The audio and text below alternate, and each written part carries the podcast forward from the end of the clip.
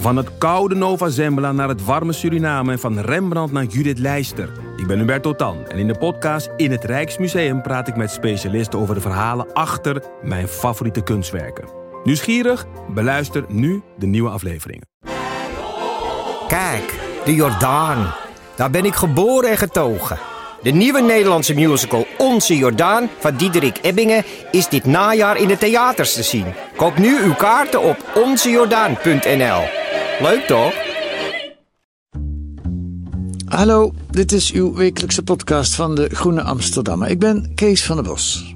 We need to caution our viewers out there. It's early. Whether you're rooting for Trump or you're rooting for Biden, it's early. So the first thing you always want to look at is here's your raw vote, Joe Biden with a narrow lead. Dus met deze stand ja, lijkt, ziet het er heel goed uit voor Trump. En dan lijkt het alsof Florida richting de Republikeinen gaat.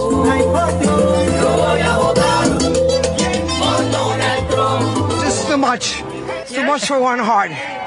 May God bless America. May Trump live forever. And of course, the West Coast has not chimed in yet. Uh, so there's more to come. The Fox News decision desk can now project that former Vice President Joe Biden will decisively beat President Trump in California. This is a big development. Yeah. The Fox News decision desk is calling Arizona for Joe Biden.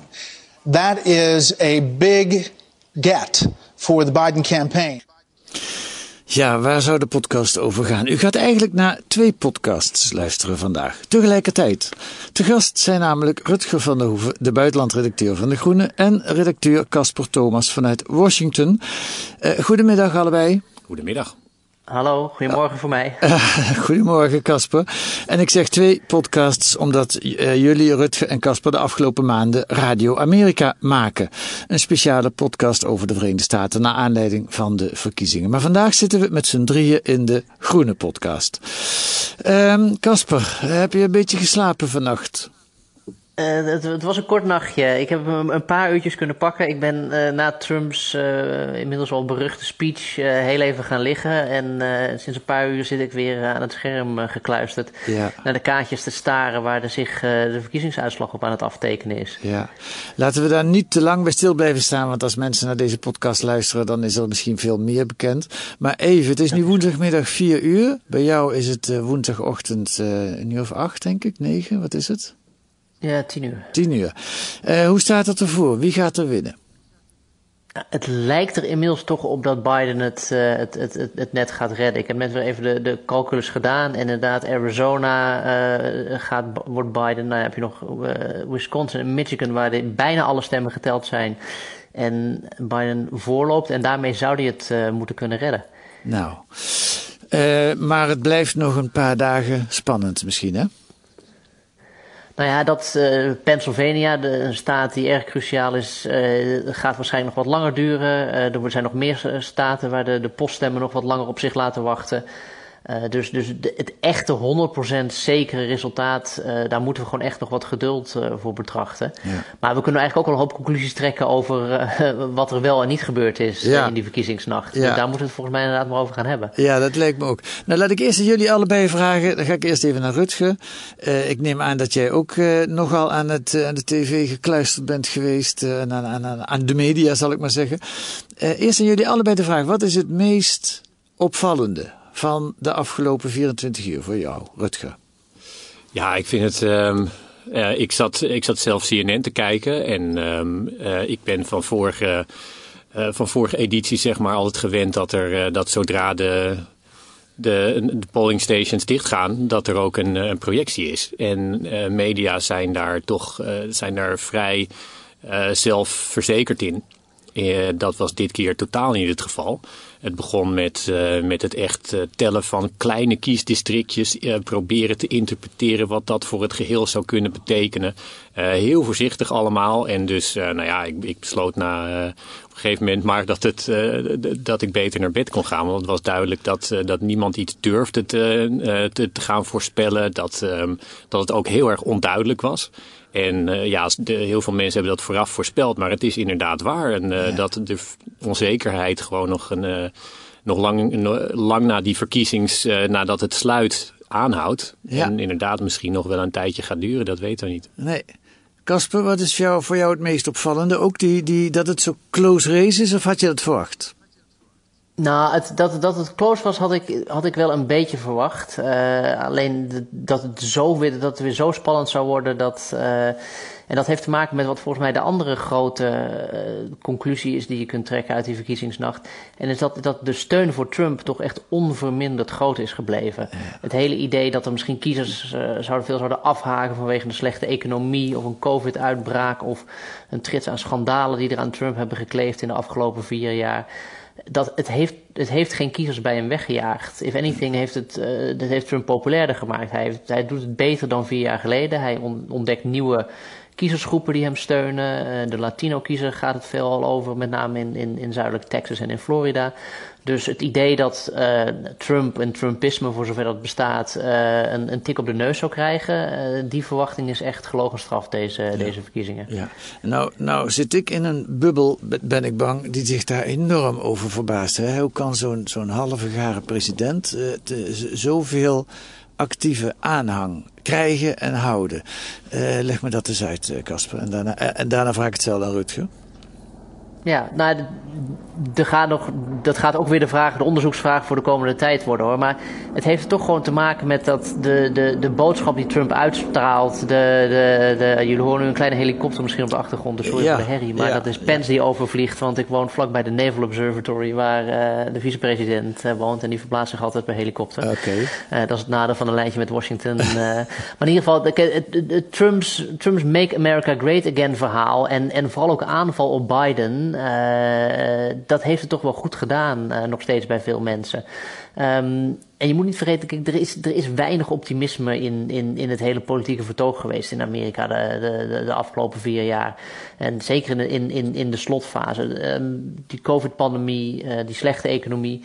Dus het idee dat, dat, dat Trump als enige nog iets van een, uh, een, een, een, een, een, een we doen het betere verhaal uitstraalt, dat spreekt groepen aan. En ook vooral groepen die, uh, die Latino-kiezer bijvoorbeeld, waar we het net al even over hadden. Uh, dat, dat is voor een deel een soort nieuw Amerika. Um, dat zit ook aan de andere kant. Er is ook een groot deel uh, nieuw Amerika, zou je kunnen zeggen, dat juist voor de Democraten gaat. Maar die strijd heeft zich een beetje afgetekend. En het zwaartepunt van, van waar de Amerikaanse strijd nou over wordt beslist, die is echt verplaatst van die Rust Belt in het noorden naar de Sun Belt in het zuiden, kun je zeggen. Ah, ja, ja. Maar Rutger, aan jou die vraag. Hoe kan zo'n zo'n toch evident liegende president die COVID uh, slecht aanpakt. Ja, hij zelf vindt hij dat hij het allemaal fantastisch doet. Hoe kan dat? Dat hij zo'n zoveel aanhang heeft? Ben je net zo verbaasd als ik of niet? Ja, nee, kijk, ik, uh, ik kijk er met een, uh, met een oog naar wat, uh, wat lijkt op het jouwe. En ik zou nooit op de man stemmen, maar ik denk dat je het anders zou moeten zien. Kijk, in Amerika is het zo dat er is maar een. een um, je, je, hebt twee kandidaten. En wat een kandidaat uh, succesvol moet doen, is een soort kiezerscoalitie voor zichzelf smeden. En dat heeft hij uh, ja, toch wel goed gedaan. In de zin dat hij uh, erin is geslaagd om heel veel republikeinen die van de man niet zoveel moeten hebben, toch te overtuigen dat, ook al is hij een hele vreemde vogel, zij toch op hem kunnen stemmen omdat hij een agenda uitvoert waar ze achter staan. En dat is echt een heel groot deel van zijn achterban. Ja, maar uh, hij doet het toch hartstikke slecht. De economie gaat heel slecht. De coronapandemie gaat slecht. Wat, wat doet hij dan? Welke agenda voert hij goed uit? Nou, kijk, die economie is altijd een argument voor hem geweest. Die gaat nu slecht vanwege de corona. Daarvan kan hij zeggen, ja, dat ging, uh, dat ging hartstikke goed. Maar corona heeft het gesaboteerd. En dat was trouwens de schuld van China aan de Democraten. Dat is dan zijn verhaal. Maar goed, uh, hij, hij wekt toch vertrouwen dat die economie onder hem beter zal gaan. Um, tegelijkertijd heeft hij dingen gedaan die Republikeinen aanspreken. Hij heeft belastingen verlaagd. Hij heeft conservatieve rechters benoemd. Um, hij heeft uh, stennis gemaakt tegen de NAVO en China. Dus hij heeft wel, wel degelijk dingen gedaan, strenger geweest in uh, immigratiebeleid. Die mensen die uh, ja, de nette conservatieve uh, achterstaan. En tegelijkertijd heeft hij nieuwe kiezersgroepen aangeboord. Mensen die normaal niet gaan stemmen. Dus dan heb je het bijvoorbeeld over die ongeziene kiezers in Michigan die vorige keer de verkiezingen uh, beslisten. Mensen die, uh, die normaal misschien thuis zouden blijven, maar die enthousiast werden van zo'n juist ontzettend tegendraadse en ontypische kandidaat. Dus het, het samenbrengen van verschillende groepen kiezers is iets wat hij ja, toch, uh, wat hij toch succesvol heeft gedaan. Ja. Daarom heeft hij toch een, uh, ja, een, een vrij grote aanhang. Maar wat Casper zegt, het is, het is wel heel opvallend hoe gelijk dat is. Want de meeste presidenten die schommelen de, door hun hele ambtstermijn heen. Uh, van ja, rond de 50 procent zeg maar. En bij uh, soms veel, veel erboven, soms een stuk ertussen. Maar bij hem is het de hele tijd stabiel. En dat is gewoon zo maf. Ondanks uh, corona, ondanks alles wat er dan gebeurt. Ja. Dat blijft dat stabiel. Ja. Is het ook niet een soort. Kijk, heel veel Amerikanen hebben een afkeer van de politiek. en, en, en dat delen ze met Trump. Die heeft ook een afkeer van de politiek. Die kunnen zich daarin herkennen. Ja, maar ik geloof niet dat er, dat er zeg maar zo'n zo'n zo'n basisverklaring is. Ik had het ook, ik, ik, ik heb het vanmorgen met een vriend, die had, er, die had ook zo'n zo'n verklaring dat het zou liggen aan dat mensen eigenlijk een sterke man willen. Maar we hebben het over een land van meer dan uh, 300 miljoen mensen. En, en zeg maar de verklaring waarom mensen op Trump stemmen, die bestaat uh, niet. Het zijn, voor, het zijn gewoon ontzettend veel individuele beslissingen bij elkaar. En één zo'n zo'n onderdeel verklaart een stukje, maar uh, niet het geheel. Ja, ja. De opkomst, laten we een paar dingen even langs gaan. De opkomst is enorm, hè? Ja. Ja, en dat is, dat, is, dat is ook wel echt belangrijk. Kijk, um, Amerika is enorm energiek naar de stembussen gegaan ja. uh, voor hun eigen maatstaven. En dat, voor, en dat geldt echt ook echt voor beide kampen, zowel voor de Democraten als voor de, voor de Republikeinen. Ja. Nu is dat voor een democratie natuurlijk op zich winst, uh, enthousiaste kiezers. Ja. Uh, dat, dat, Um, maar dat laat ook echt zien dat de verdeeldheid in Amerika over, over de, de twee zielen die als het ware in dat land huizen, de, uh, de, de, de liberal, de liberale, uh, progressieve ziel en de, de, de, de illiberale of de antiliberale Trump-ziel, die zijn allebei uh, nog, nog meer aangewakkerd en die zijn nog harder tegenover elkaar komen staan. Dus het was een beetje het, het, idee van Trump is de president van verdeeldheid en misschien breekt er daarna een, een periode van, van, van overbrugging en heling en verzoening of zo aan. Nou, dat scenario kun je ook uh, in de prullenbak gooien. Ja. Amerika komt hier nog verdeelder uit dan dat ze erin ging. Ja. Ja, ik, en uh, aansluitend daaraan. Ik, ik sprak uh, twee jaar geleden een, uh, een Britse hoogleraar die het had over, over Brexit. En die zei dat het hem zo ontzettend speet dat, dat, dat die Europese Unie, dat Brexit zo'n. Um, zo'n issue was geworden. Omdat uh, de Europese Unie altijd iets van vijfde of zesde stond op prioriteiten van de Britse kiezers. Maar het is zo naar voren gekomen als iets wat de Britse natie echt 50-50 um, splijt. En ook wat, wat het ook de toekomst gaat worden, die, die natie die zal er enorm verdeeld over blijven, zei hij. En uh, je zou uh, Trump misschien ermee kunnen vergelijken als, een, als iets wat in het electorale proces is gekomen in de Verenigde Staten, die ook de de verdeling in de Verenigde Staten heeft, uh, heeft gebruikt. Het heeft uh, aangewakkerd. En ik denk dat die, uh, de tegenstellingen in de Verenigde Staten, die, die waren natuurlijk altijd sterk. Maar Trump heeft er duidelijk een, ehm, ja, daar een versterkend effect op gehad. En ik denk dat inderdaad wat Casper zegt, dat die verdeeldheid nog lang zal blijven. En ik denk dat we, welke kant deze verkiezing ook opvalt, dat dat wel een, ja, een heel erg een, een, blijvend effect is van de afgelopen jaren, wat niet zomaar weg is. Nee, nee, nee. En die verdeeldheid, uh, nou, die, aan de ene kant leidt die tot uh, energieke stemmers die ervoor over hebben om lang in de rij te staan. Uh, aan de andere kant was men bang, is men bang voor geweldsuitbarstingen. Je, je, zag winkeliers die houten schotten voor hun winkel stimmerden. Ehm, ehm, burgeroorlog, dat woord valt zelfs af en toe. Hoe staat het ervoor, Casper? Nou, dat, de, de, de burgeroorlog blijft voorlopig uit. Kijk, als we, als we nog een fase ingaan van, van, van strijd om de uitslag, als die eenmaal binnen is, dan acht ik het zeer goed mogelijk dat er, dat er, dat er zich nieuwe spanningen voordoen. Ik heb soms een beetje het idee dat we, uh, en dat komt deels ook door Trump, uh, zijn gaan denken over de Amerikaanse politiek nog meer dan normaal als, als een proces van, van spectaculaire gebeurtenissen, uh, grote wendingen, dramatische gebeurtenissen. Die zijn er genoeg geweest. Het is een beetje het, het, het filmmodel van de politiek. Mm. En dat, dat was ook een beetje de verwachting dan misschien van, weet je, na via Trump komt dan de landslide voor Biden. Een soort dramatische wending, zoals Trump zelf ook een dramatische wending was. Ja. En misschien moeten we eigenlijk van ons, moeten we onszelf een beetje inhouden als het ware. En accepteren dat heel veel dingen uh, langzaam gaan, zoals de verkiezingsuitslag. Hetzelfde blijven blijven, zoals de verdeeldheid in Amerika.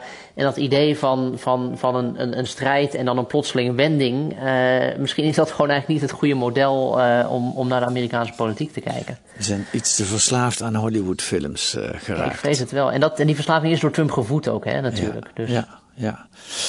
Um, Rutger, ik las in jouw artikel in, in de dubbeldikke Amerika-nummer van De Groene, uh, Jill Lepore, de historica en ook journaliste, die heeft het, ik ga even over naar een, een ander aspect van, van de campagne en de verkiezingen, die heeft het over de cirkel van woede die er op dit moment is. En zij legt een verband met sociale media. En, en, en ik citeer een stukje wat je krijgt als je een politieke orde hebt, die wordt geordend door sociale media, dat is pardon, dat is wat we nu zien, anarchie. Um, en dan verwijst ze, ik mag, ga nog even door, naar Clinton, die in 96 de telecommunicatiewet tekende, met daarin de fantasie van het ongereglementeerde internet. Um, wat bedoelt ze daarmee? Ja, het is, een, uh, het, is een ingewikkelde analyse, maar wel heel interessant en, en uh, belangrijk, denk ik. Wat zij, wat zij zegt is, ze refereert aan het feit dat mensen in uh, in sociale media uh, zich in, uh, in bubbels bewegen, dat ten eerste. Uh, en het, het, idee hebben dat, ja, dat iedereen erover denkt als zij. Tegelijkertijd zich erg bewust zijn dat ze, dat ze individueel zijn en ook in aanraking komen met extreme gedachten in die, in die bubbels. En ook worden aangewakkerd en aangemoedigd als ze die zelf verwoorden. Um, dus er zit een, uh, een proces in van, van polarisatie, van, van groepen uit elkaar trekken. Als je een beetje in het, uh, in het midden zit, dan, uh, dan moedigen sociale media vanzelf aan dat je in een van de twee kampen terechtkomt. Ja, Arjen Lubach liet het drie weken geleden op zondagavond heel mooi zien. Hoe snel je in, in allerlei extreme theorie. En dan denk je misschien als argeloze gebruiker, ik ben nu onderzoek aan het doen. Ik ga van de ene site naar de andere, dus ik laat me heus niet zomaar door in iemand voorlichten. Dat, dat bedoel je? Ja, en het, het, het, het wakkert ook een idee aan over wat politiek kan zijn. Als je, je staat direct in, uh, in contact met je president. Er zijn ontzettend veel mensen die hetzelfde willen als jij. Je bent verbijsterd als er niet gebeurt uh, wat je wil. Terwijl zij zegt dat de politiek een, uh, ja, een, een veel trager zou moeten zijn. Uh, dat mensen zouden moeten vertrouwen dat ze iemand kiezen die vervolgens nadenkt over het algemeen belang. Dat dat algemeen belang uh, soms dat dat niet altijd is wat de, de meerderheid van elk ding wil.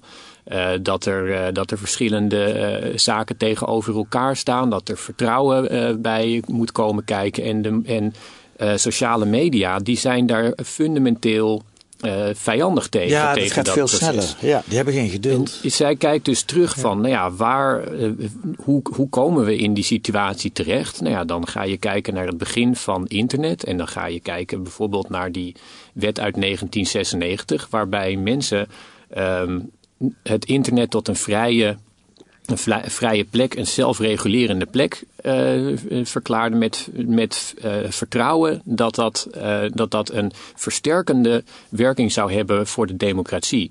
En dat dat ook de Amerikaanse visie op democratie en een soort harmonische democratie zou gaan verspreiden. En dat is absoluut niet gebeurd. Nee, nee maar wat, heeft die, die, wat is daar tegen te doen? Ik bedoel, het is toch gewoon nieuwe media die ontwikkelen zich. Je kunt het moeilijk stoppen. Ja, dat zou je kunnen zeggen. Uh, ik, uh, ik heb daar niet het, uh, een, een silver bullet voor. Ehm, maar we, we, hebben de afgelopen jaren allerlei debat gezien over, over hoe ook de, wat, wat de verantwoordelijkheid van die platforms is voor wat er op hun platform wordt verspreid, hoe je met waarheid om moet gaan, uh, of je dingen uh, vrijelijk moet kunnen verspreiden die, die leugens of desinformatie zijn.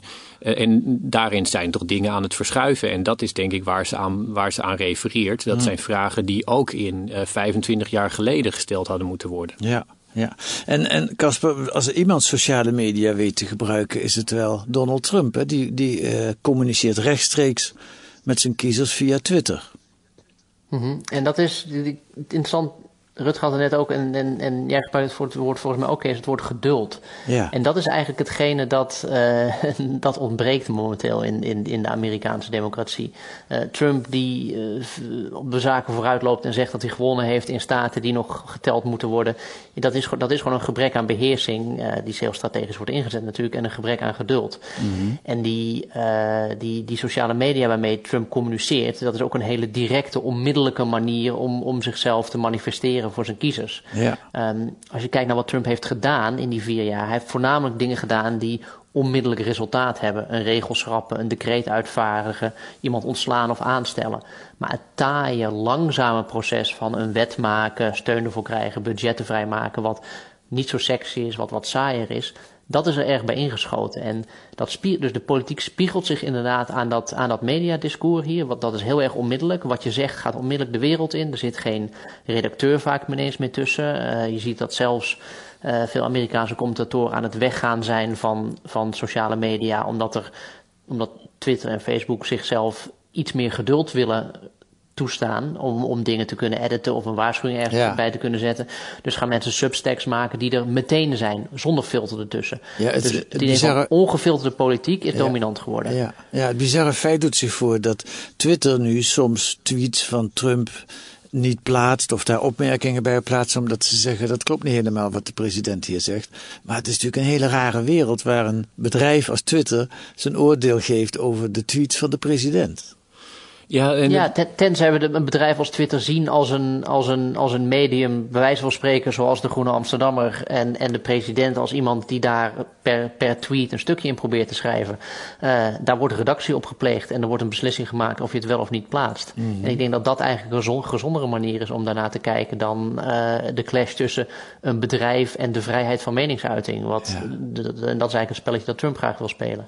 Ja, en er komt nog een, een ander aspect ook bij hè, over die sociale media en hoe Trump die gebruikt. Eh, Trump is eh, op bepaalde manieren, dat is wel eerder gezegd, een, eh, een, genie als het gaat om, eh, om eh, zijn, eh, zijn begrip van, van media en hoe mensen erop reageren. En een van de dingen die hij heel fundamenteel begrijpt, of, of die hij in ieder geval altijd doet, is dat hij. ehm, altijd de mediacyclus domineert. Dus hij, hij eh, begint te, te twitteren, eh, probeert zich altijd in het dominante gesprek te, dwingen, belt naar de studio eh, als dat, eh, eh, ja, voordat, voordat Twitter er was. En de sociale media hebben hem veel meer handvatten in gegeven om de nieuwscyclus te domineren. En je vroeg net van ja, hoe kan het dat iemand die zo zulke rare dingen doet, wordt gekozen. Maar als je dag op dag de nieuwscyclus domineert, dan, dan is er op een gegeven moment ook de vraag van ja, eh, hoe else? Hij valt zozeer op.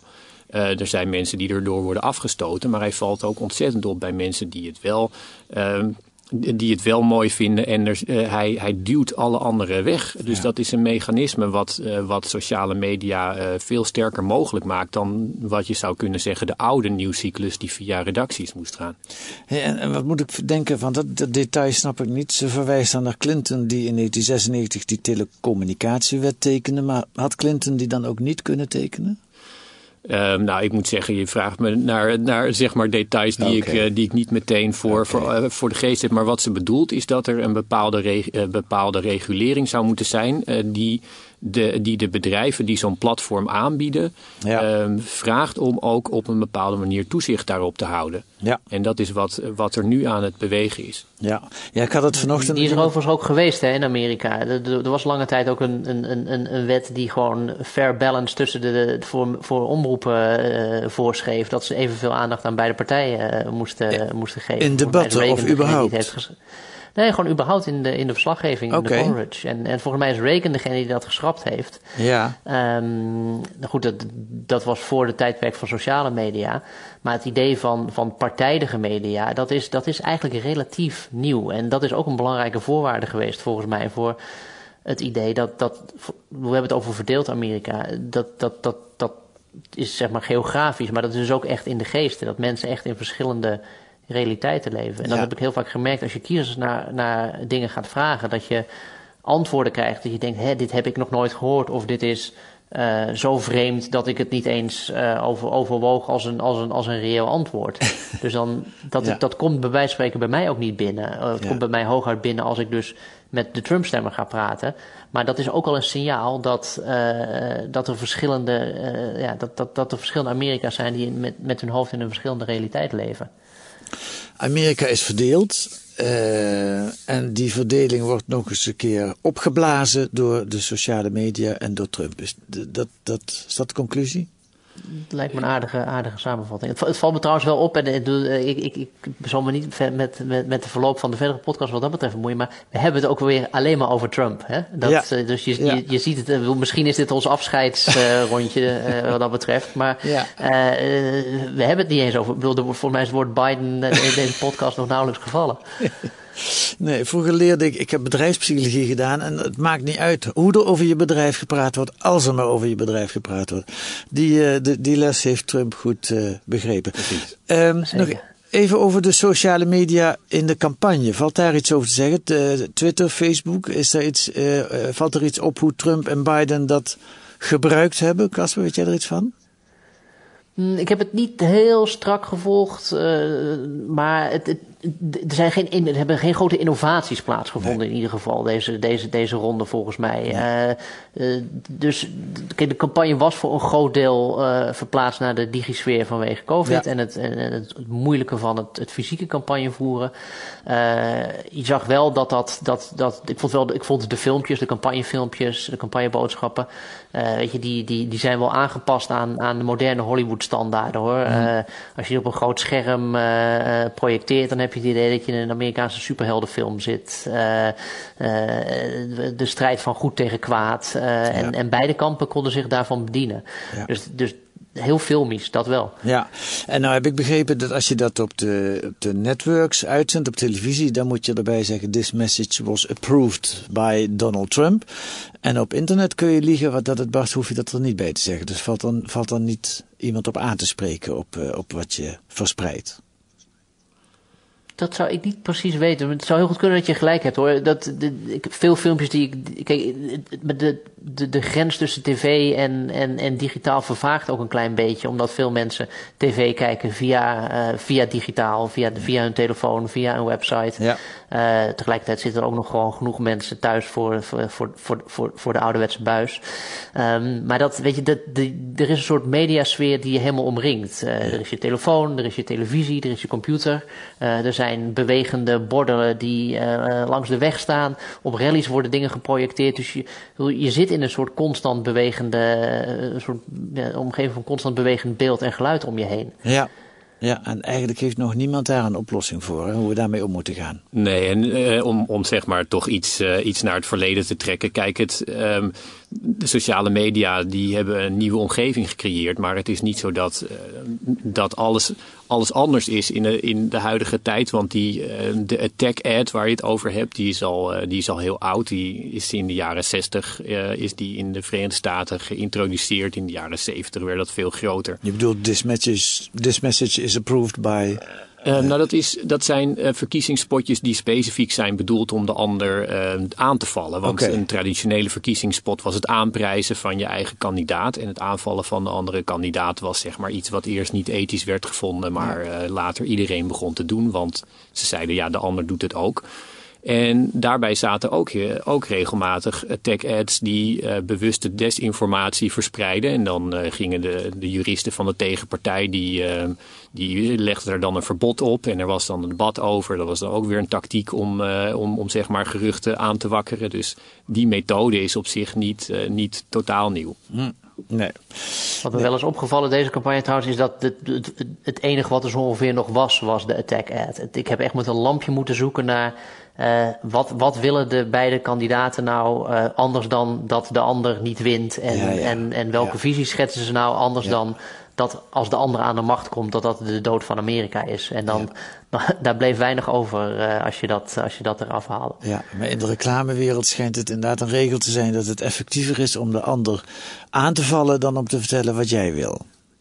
Ja, het ja is maar het is, er, die, die, kunst is, is tot een soort, soort, ja, echt tot het hoogste niveau verheven. En ja. ik denk dat daarmee in die zin ook de kiezer natuurlijk wel een beetje tekort wordt gedaan in Amerika. Uh, En, maar het geeft ook aan hoe existentieel die kiezingen, verkiezingen voelden voor, voor, voor veel Amerikanen. Dat het echt ging niet zozeer over uh, ik moet winnen, maar de, maar de ander moet verliezen. Ja. Uh, en die, die, die doodstrijd die, die, die, die nam eigenlijk alles over. Ja. Het gekke is dat, dat die attack ad is iets wat niet bewezen is dat dat, dat dat effectiever is dan een positieve. Maar dat, dat wordt wel breed geloofd in, uh, in politieke campagnes. Die geloven ja. dat in de Verenigde Staten allemaal. Mm -hmm. Kasper, even nog naar wat jij deze week in De Groene schrijft, of vorige week stond er ook al in, want het is een dubbel nummer. Het verdienmodel van de, de, de Trump-BV, ja, we gaan het toch weer over Trump hebben, het spijt me. Um, nee, dat hij zijn presidentschap heeft gebruikt om, om zijn zaakjes goed te regelen. Hoe, hoe erg is dat? Ik bedoel, niet hoe erg is het dat hij het doet, maar over, gaat het echt over groot geld? Ja, dat, het, het, het gaat over groot geld als je dat. Uh, ik bedoel, tenzij we uh, tientallen miljoenen niet meer als groot geld uh, beschouwen. En, en dus dan ben je vanaf welke maatstaf ja, je, vind je, ik wel. je daarin vind hanteert. Ik groot geld. Oké, okay, nou dan, dan, dan, dan houden we daarop. Dus ja, dat, dat, dat gaat over groot geld. Maar tegelijkertijd is het ook een beetje politieke kruimeldieverij in de zin. het, is geen, het is geen klassieke autocratische zelfverrijking. dat, dat, dat, dat, dat de staatskas wordt geplunderd. Nee. Het is meer gewoon hier en daar die, de, de geldstromen die rondom de overheid zingen, gewoon richting je eigen onderneming uh, kanaliseren. En zorgen ja. dat, dat, dat, dat, of rekeningen doorschuiven naar je partij of naar de overheid. En op die manier je, je, je, je, je eigen kas wat spekken. Ja. Het is. Ja. Het is wat ik zeg, het, ten opzichte van wat mogelijk is, zou je kunnen zeggen, is het eigenlijk uh, een relatief klein bier. Ja, okay. Kijk, Trump is natuurlijk niet de eerste president met, met financiële belangen of met bedrijfsbelangen of met aandelen of wat dan ook. Maar hij is wel de eerste president die erin is geslaagd om zo'n structurele vervlechting tot stand te brengen tussen wie die is als ondernemer ja. uh, en wie die is als politicus. Ja. Ja. Maar de kiezer die stoort zich er nauwelijks aan, of althans nee. een groot deel van de kiezers niet. Nee, nee dat, dat lijkt. Um, goed, ga naar het laatste hoofdstukje van dit gesprek en uh, wil ik jullie eerst iets laten horen.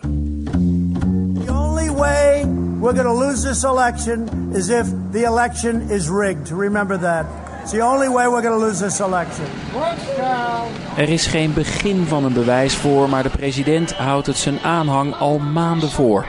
Hij zegt het overal waar hij komt. It's fraud with fraud. You'll have tremendous fraud. They want to try and steal this election. It's going to be the greatest fraud in the history of elections.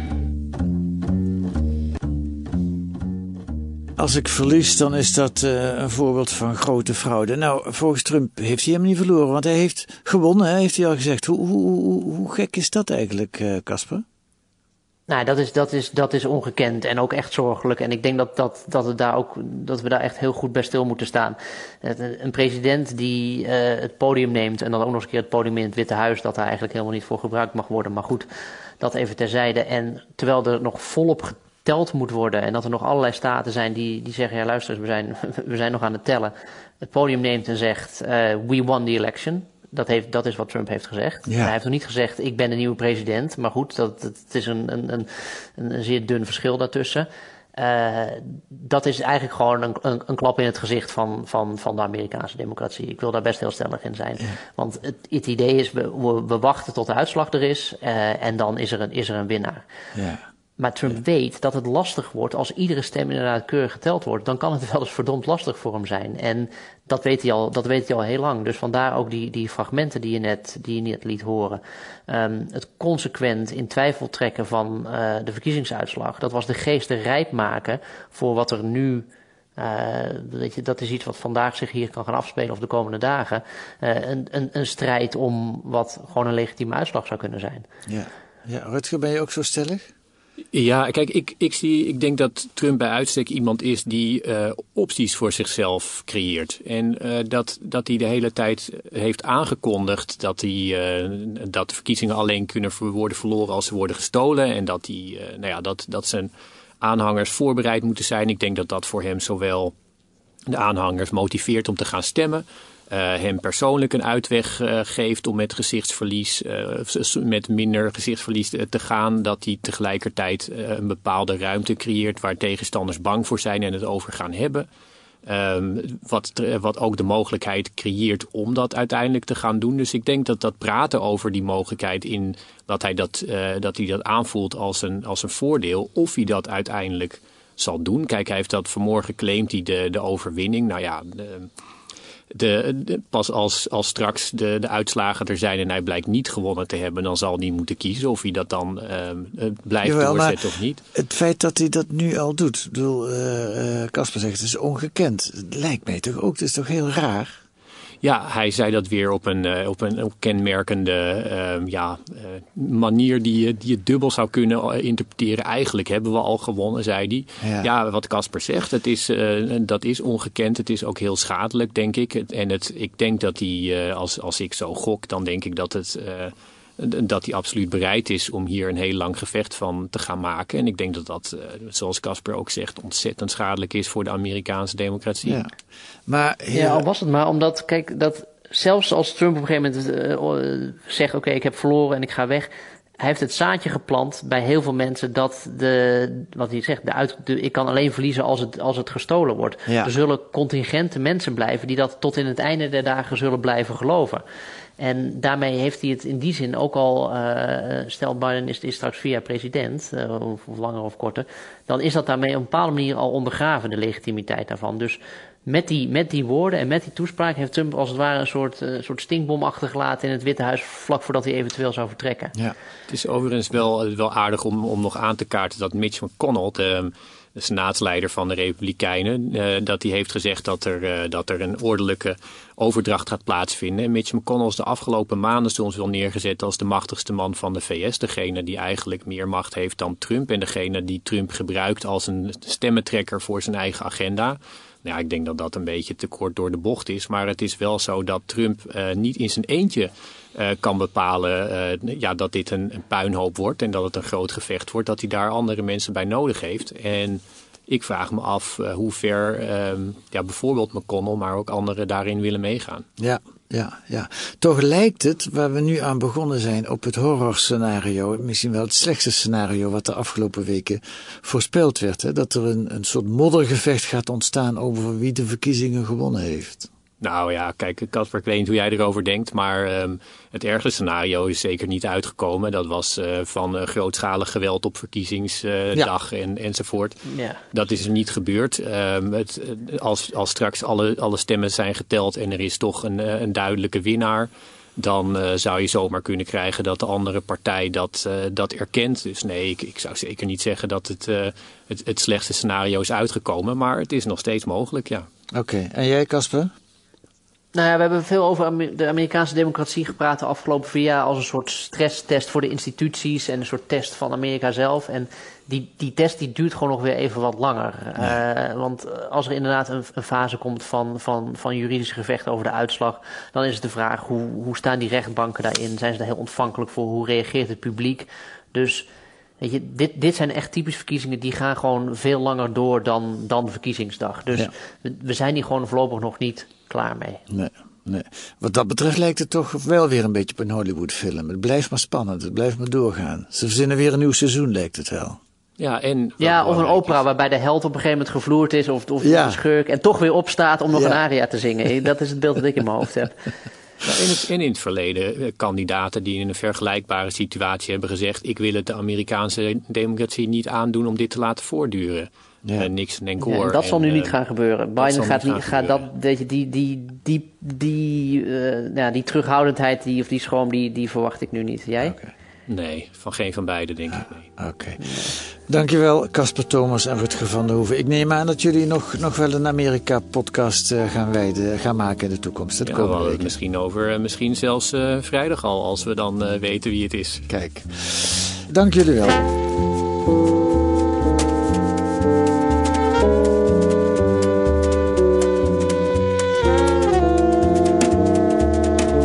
Lees deze week in het dubbeldikke Amerika-nummer van De Groene ook het mooie interview van Rutger van der Hoeven met Jill Lepore, die met een brede blik van de historica naar deze verkiezingen kijkt.